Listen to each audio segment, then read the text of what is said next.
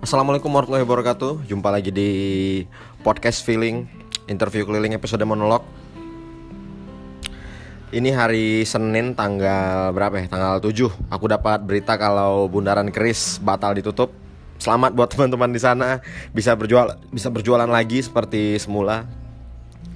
Katanya meskipun ada konsekuensinya itu harus ditata ulang ya. Baik itu layout jualannya ataupun parkirnya. Yang jelas apa pun itu teman-teman di Bundaran Keris, para pedagang dan para pengunjung rutin uh, alhamdulillah tidak kehilangan tempat nongkrong dan tempat jualan karena ya kalau di lokasi di relokasi lagi sebanyak itu belum tentu selaris di Bundaran Keris karena kita semua butuh butuh pemasukan ya. Jangan ditutup total kasihan teman-teman kita. Alhamdulillah uh, ada banyak yang mendukung juga untuk tetap bundaran keris ada tapi mungkin biar lebih sehat aja ya. Terus parkirnya kalau bisa jangan di sampai ke kuburan lah. Agak-agak sedih aja kita cuman buat nongkrong sampai harus parkir di kuburan. Dan kadang-kadang musiknya juga di bundaran keris tuh suka ada adu-adu setelan musik gede-gedean ya.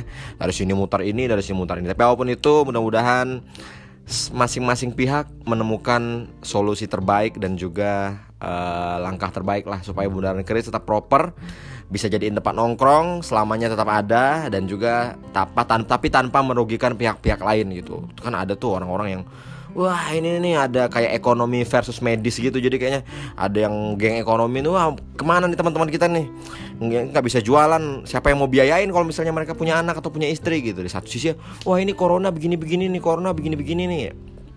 Jadi itu relatif aja ya. Uh, apa namanya uh, terserah mau berpandangan apa. Itu nggak usah norak aja gitu. Ya udah uh, buat teman-teman bundaran keris selamat berjualan kembali. Yang nongkrong juga tolong lah jangan sampai kalian yang nongkrong itu malah membuat teman-teman yang jualan tuh jadi ketendang gitu loh. Karena kadang yang nongkrong ini lapar-lapar gak pakai masker akhirnya yang kena yang jualan. Padahal yang jualan udah pakai masker semuanya tolong yang yang nongkrong ya. Karena image tempat nongkrong itu ditentukan oleh kalian yang nongkrong. Ada beberapa tempat nongkrong yang image-nya alay. Bukan karena tempat nongkrongnya yang alay karena nongkrong yang nongkrong di situ anak-anak alay semua. Akhirnya tempat nongkrongnya wah ini nih. Ini ini mah ini mah tempat alay gitu. Padahal nggak ada tempat yang alay di Pekanbaru mah atau di Indonesia malah. Yang ada tuh anak-anak alay nongkrong di tempat itu entah merasa nyaman akhirnya ke situ mulu tempatnya yang dicap alay padahal nggak ada. Ya tolong yang nongkrong tolong dijaga kelakuannya biar yang punya tempat atau yang jualan tidak terkena imbas negatif. Udah itu aja ya. Udah tiga menit bahas bundaran keris saja ya udah. Uh, lumayan menyenangkan beberapa hari terakhir untuk aku dan kayak beberapa hari ke depan juga aku lumayan seneng karena event-event udah banyak sekali ada beberapa dua atau tiga tawaran event ada webinar ada yang semi webinar gitu loh seneng ketika akhirnya pekan baru punya itu iya, vendor-vendor dan juga apa namanya hmm, korporat-korporat punya ide buat bikin webinar lagi. Jadi saya tidak pusing lagi memikirkan kerjaan. Uh, itu intermezzo aja ya. Aku akan ngomongin soal sesuatu yang nggak penting juga sih ngomongin event tadi sebenarnya. Ngapain coba.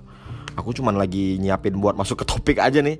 Sok-sok pakai ancang-ancang bahas event, padahal nggak ada juga yang pengen tahu soal event. Apalagi soal kerjaan aku bodoh amat. Mau orang nggak pengen tahu juga. Aku pengen ngomongin sesuatu yang sering kita lakukan tapi kadang-kadang menyesal untuk kita lakukan. Kenapa kemarin aku gini ya? Hal itu adalah curhat atau singkatannya apa sih? Curhat? Curahan hati ya curahan hati. Ada banyak teman-teman kita yang memutuskan untuk curhat. Misalnya punya masalah keluarga wah gini nih di rumah lagi panas nih cerita ke sahabat. Atau uh, pacar aku begini nih pacar aku gini banget gini gini gini. Misalnya kasar atau suka mukul cerita ke sahabat atau ke teman. Ada yang punya masalah lebih berat punya utang nih punya utang saya punya utang nih sampai puluhan juta cerita ke teman. Gimana ya kira-kira gini gini gini gini gini gini tapi sadar nggak uh, aku nih nggak punya angka yang pasti ya tapi kayaknya yang aku tahu pasti sebagian besar curhat orang itu pasti bocor ke orang-orang yang lain. Padahal maksud dari curhat atau tujuan dari kita curhat, kita kasih tahu ke orang terdekat ini adalah biar cerita ini nggak kesebar gitu. Terus kenapa kesebar gitu? Akhirnya ada momen di saat kita tiba-tiba, loh, kok dia tahu? Pesan aku cuma cerita ke si ini deh. Lah kok dia tahu? Bahkan sampai orang-orang yang nggak kita duga bakal tahu. Bakal tahu gitu loh. Loh kok bisa tahu? Padahal aku cuma cerita ke si A. Si A kan nggak kenal sama dia. Loh kok dia bisa tahu?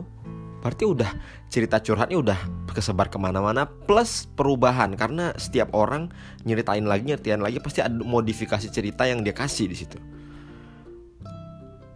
Lantas aku mulai bertanya-tanya nih ketika SMA, aku jadi tahu siapa putus sama siapa, siapa udah diapain sama pacarnya, siapa yang suka nampar pacarnya. Padahal itu cuma curhat antar temen aja tapi sudah kesebar hampir ke seluruh sekolah.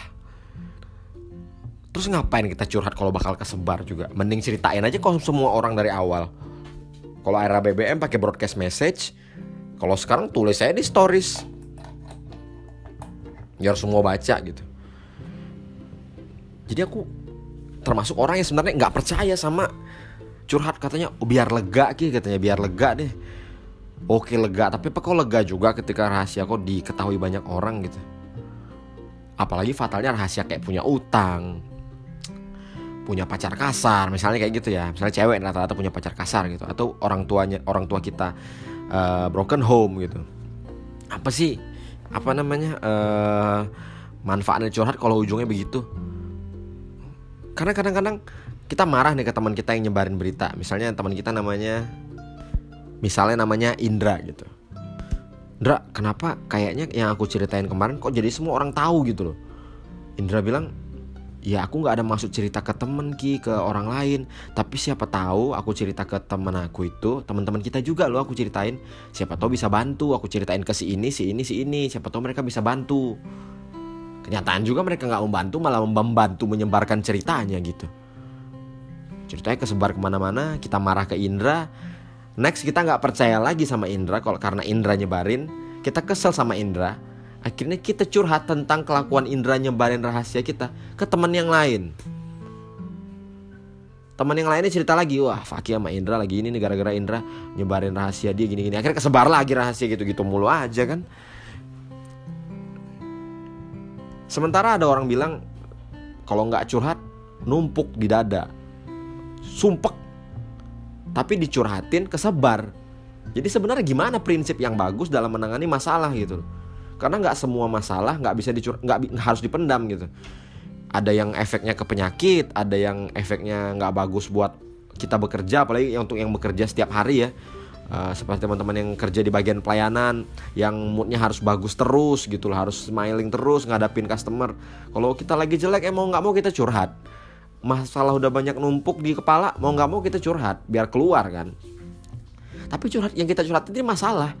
Sementara kalau kita curhat jadi kesebar nama baik kita yang rusak gitu. Gimana nih jadinya nih supaya benar gitu? Bingung juga kadang-kadang dicurhatin rahasianya masalahnya kesebar ke mana-mana karena omong kosong. Sebaik-baiknya teman kita nggak akan dia memendam itu gitu. Pasti akan ada satu momen dua momen dia cerita ke orang lain sedikit aja bermula dari dari dari kayak kayak penyebaran virus aja gitu. Jadi satu dari A cerita ke B B cuma cerita ke C. C ini cerita ke DEF, DEF cerita ke EFG, eh ke cerita ke GHI gitu. Makin banyak gitu kayak MLM downgrade-nya ke eh down downline-nya banyak ke bawah gitu. Kalau aku pribadi, uh, aku memang lumayan anti sama yang namanya curhat ya. Dan aku lebih anti lagi sama orang yang datang-datang curhat gitu kayak tiba-tiba, "Bang, boleh cerita?" "Bang, boleh cerita?" "Enggak," aku bilang. Apalagi bukan teman dekat banget ya, cuman kenal-kenal ketemu di acara atau ketemu di uh, tempat nongkrong gitu tiba-tiba curhat siapa? Biasa cewek-cewek tuh yang merasa cantik tuh. Bang boleh cerita nggak? Aku ada masalah. Enggak aku bilang.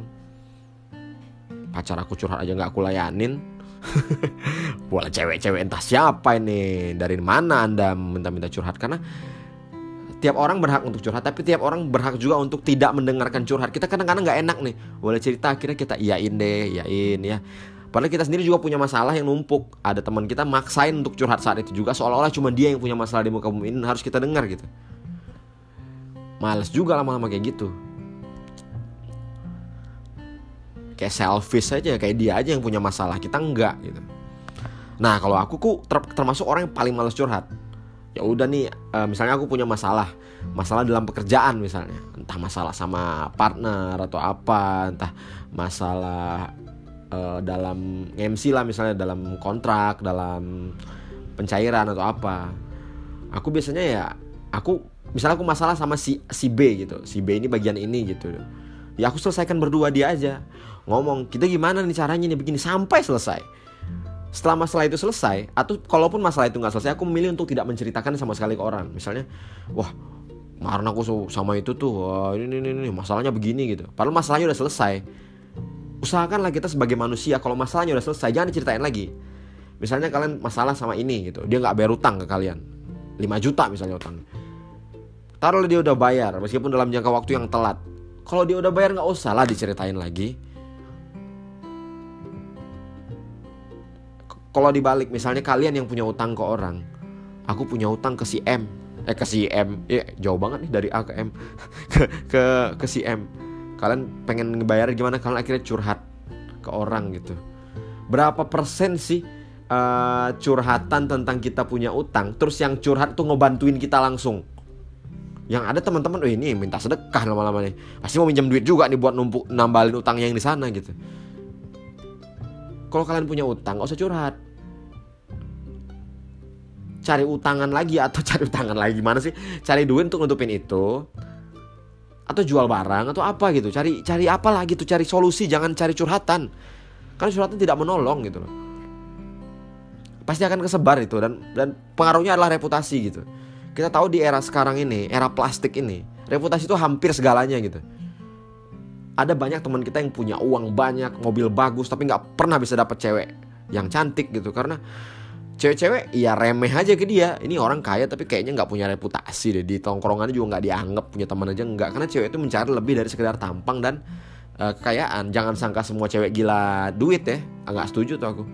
Jangan sangka semua cewek cantik gila ketampanan nggak juga. Cewek-cewek itu kan orang nyari reputasi. Pacarnya ini cowoknya ini termasuk orang yang kalau dia gandeng ke tempat umum ini membanggakan nggak jadi ketawaan orang nggak cowoknya ini di tongkrongan dia megang leader atau seenggaknya jangan sampai jadi kasta terendah di tongkrongan yaitu tukang beli minum atau tukang yang dibully di lingkungan tongkrongan. Jangan dong gitu. Reputasi itu penting gitu. Kalau reputasi kita jelek gara-gara curhatan kita kesebar ke mana-mana ya boro-boro keluarga kita mau bangga pacar kita aja belum tentu bangga punya kita bisa kita diputusin karena terlalu banyak cerita miring. Oh pacarku mau gini-gini ini pacarku mau gini lama. Ih ngapain kok sama dia? Mau sekaya apa pun seganteng apa pun kalau bocor ya gitu. Aku punya temen yang mirip sama L L Rumi L nya L anak Ahmad Dhani tuh putihnya ganteng tinggi tapi dapat cewek nggak pernah gagal terus padahal juga anak orang kaya punya mobil Bahkan sekarang udah S2. Karena apa? Karena reputasi. Jangan sampai reputasi kalian rusak karena curhatan kalian kesebar ke mana-mana gitu. Jadi solusinya gimana Ki? Kalau nggak curhat gimana numpuk nih di kepala gitu. Kalau aku pribadi ini mungkin berhasil di aku, tapi nggak tahu di teman-teman ya. Aku selalu curhat untuk ke orang yang uh, kira-kira tidak punya kemampuan tidak punya jaringan untuk menceritakan curhatan itu untuk ke orang yang aku kenal gitu. Kayak misalnya aku curhat ke C. C ini punya teman-teman yang nggak kenal aku semua. Nah bayangin misalnya aku curhat ke si C aku gini gini nih C gini gini gini gini gini gitu. Misalnya aku punya masalah gitu. Punya masalah keluarga gitu. C kemungkinan besar akan membocorkan curhatan itu. Cuman lingkaran pertemanan di C adalah orang-orang yang tidak kenal sama aku gitu. Jadi ketika dia cerita, misalnya C cerita ke si F, F ini nggak kenal sama aku. Akhirnya C karena aku gak kenal nih ya, ada temen aku. Nah cerita dia akan pakai bahasa ada temen aku bukan ada si Fakih. Itu akan sangat aman. Contoh lain, misalnya kalian uh, pacar kalian nampar kalian, kalian curhat ke teman kalian. Misalnya uh, nama kalian ini, ini kalian curhat ke teman kalian namanya Tia. Usahakan Tia ini lingkaran pertemanan nggak kenal nggak ada yang kenal sama kamu nggak ada yang kenal sama kalian gitu jadi ketika Tia menceritakan masalah kalian ke teman-temannya dia tidak mungkin menyebut nama karena ah ini nggak ada yang kenal juga kalau aku ceritain. Tapi aku pengen cerita aja nih nah, karena ada contohnya masalahnya gitu. Karena kan curhat kan kadang keluar aja. Semua orang tuh pasti pernah bocorin curhatan orang lain nggak usah munafik lah. Aku juga pernah bocorin curhatan temen aku gitu jadi merasa bersalah juga dia punya masalah gitu. Tapi aku pasti akan bocorin ke orang-orang yang nggak kenal sama teman aku yang curhat ini, biar reputasinya nggak rusak gitu. Usahakan kalian curhat, tapi ke teman-teman, ke orang yang lingkaran pergaulannya beda lagi jauh gitu. Atau curhat ke teman kalian yang sahabat pena, sih sahabat pena, teman-teman kalian di luar kota gitu. Kalian punya teman misalnya di Jakarta, di Bali, atau di Jogja gitu. Curhat ke dia boleh tuh. Mau telepon apa karena dia pasti akan menceritakannya ke teman-temannya di Jogja. Teman-temannya di Jogja nggak kenal kalian. Kecuali kalian terkenal Raffi Ahmad. Atau Danila lah at least. Nah jangan ceritain ke teman-teman yang teman-teman kita juga dia ceritanya ke teman-teman kita lagi gitu terus cerita nyebar aja jadi semua. Sekota bahkan tahu. Itu solusi pertama. Pilihlah teman yang tongkrongannya nggak ada yang kenal kita. Tapi kita kenal si yang curhatan ini jangan sampai orang random ya. Bang bang sih bang. Boleh bang kita kenalnya saya Fakih. Curhat dong bang. Nggak bisa kayak gitu. Usahakan tempat dia menceritakan curhatan kita itu adalah orang uh, iklim atau iklim pertemanan yang nggak mengenal kita. Itu aman biasanya. Yang kedua ini agak-agak terdengar naif sih agak-agak ah gampang banget diomongin kayak gitu. Curhat pas sholat ini manjur sumpah ketika covid mulai sekitar sebulan lah Aku tahu ini bakal lama. Aku baca status uh, seorang teman di Twitter bilang dia bilang gini, uh, keluargaku miskin gara-gara 98 dan kayaknya Covid ini bakal lebih memiskinkan keluarga aku lagi katanya. Itu aku langsung panik. Pada Maret itu memang uh, event lagi banyak-banyaknya. Untungnya aku bisa menyelesaikan sampai tanggal 15 Maret. Dan semuanya cair, uh, aku pegangan uang lumayan banyak tapi aku yakin ini nggak akan lama gitu loh. Aku galau nih gimana kalau misalnya uang tabungan sampai habis belum ada kepikiran untuk jualan ataupun apa pun gitu. Kalau tabungan sampai habis nih gimana gitu gini gini. Aku mau curhat ke mana? Aku bilang karena eh, orang-orang pasti punya masalah sendiri yang sama gitu. Aku nggak mau mengganggu pikiran orang lain lagi dan satu sisi mungkin pasti bakal kesebar gitu loh. Ada potensi kesebarnya karena mencari teman yang uh, di saat kita lagi pusing nyari teman kira-kira siapa ya yang tongkrongan yang nggak akan ceritain lagi? Capek gitu loh. Aku curhat ke sholat. Mah terdengar agak ah naif mah jadi gini mah curhat ke sholat tapi bener. Kalau kalian curhat sambil berdoa terus kayak gini loh kayak berdoanya tuh jangan kayak aku punya apa gitu ya. Berdoa itu lemesin badan tuh dilemesin gitu. Kalau perlu sampai emang kadang-kadang kalau kita lihat TV lebay lah berdoa ya Allah sampai kayak gitu. Aku kayak gitu tuh berdoanya. Tapi habis itu lega serius. Terlepas pada akhirnya aku pernah berdoa ya Allah angkatlah wabah ini angkatlah penyakit ini karena sesungguhnya ini sangat amat mudah bagimu. Gitu-gitu. Sampai keluar air mata dari ujung mata gitu yang emang kayak sinetron sih. Nadanya juga kayak sinetron. Ya Allah ya, ya tapi itu bukan aku buat-buat itu emang sengaja. Karena aku ya Allah kita tuh lemah ya Allah. Manusia sampai saya ini lemah ya Allah. Bantulah angkatlah uh, wabah ini ya Allah. Atau kalau belum waktunya kau angkat wabah ini kasih cara untuk kami tetap bertahan di wabah ini gitu. Karena kadang-kadang kan masalah itu kadang-kadang uh, belum bisa pergi. Tapi kita dikasih cara untuk tetap hidup meskipun masalah ini ada. Mungkin covid belum bisa pergi tapi kita dikasih cara untuk tetap bertahan di sela-sela covid ini ya. Itu kan cara yang sama gitu untuk tetap selamat gitu loh nangis tuh gitu. Mah agak norak sih. Kayak sinetron. Tapi lega serius. Mood juga jadi baik tidur jadi nyenyak. Kalau kalian curhat ke teman belum tentu. Paling itu semoga uh, membantu dari aku. Aku juga nggak bisa ngomong banyak-banyak karena aku juga bukan ahli kehidupan banget. Tapi semoga kalian sadar kalau curhatan itu kadang-kadang bisa membunuh kalian sendiri kalau kalian asal curhat. Dan kadang-kadang cewek-cewek itu biasanya nggak bisa nahan dia tumpahin curhatnya ke forum misalnya lagi nongkrong berenam dia curhat ke temennya yang dekat uh, berdua doang tapi seru suaranya ke mana-mana akhirnya semua orang jadi tahu gitu kan Kadang-kadang hormatilah hak orang untuk tidak mendengarkan curhat kalian karena tidak semua orang ingin mendengarkan curhat. Jangan paksa mereka. Boleh cerita nggak? Izin dulu sebelum curhat. Karena setiap orang punya masalah dan punya hak juga untuk menolak mendengarkan curhat kalian. Paling-paling itu aja, jagalah uh, masa kita semua punya masalah ya. Uh, usahakan selesai selesai sendiri. Kalau tidak bisa selesaikan minta bantuan orang lain. It's okay untuk minta bantuan karena kita zone politik kan makhluk sosial. Tapi usahakan jangan sampai membunuh reputasi sendiri hanya karena curhat sembarangan. Itu aja. Thank you. thank you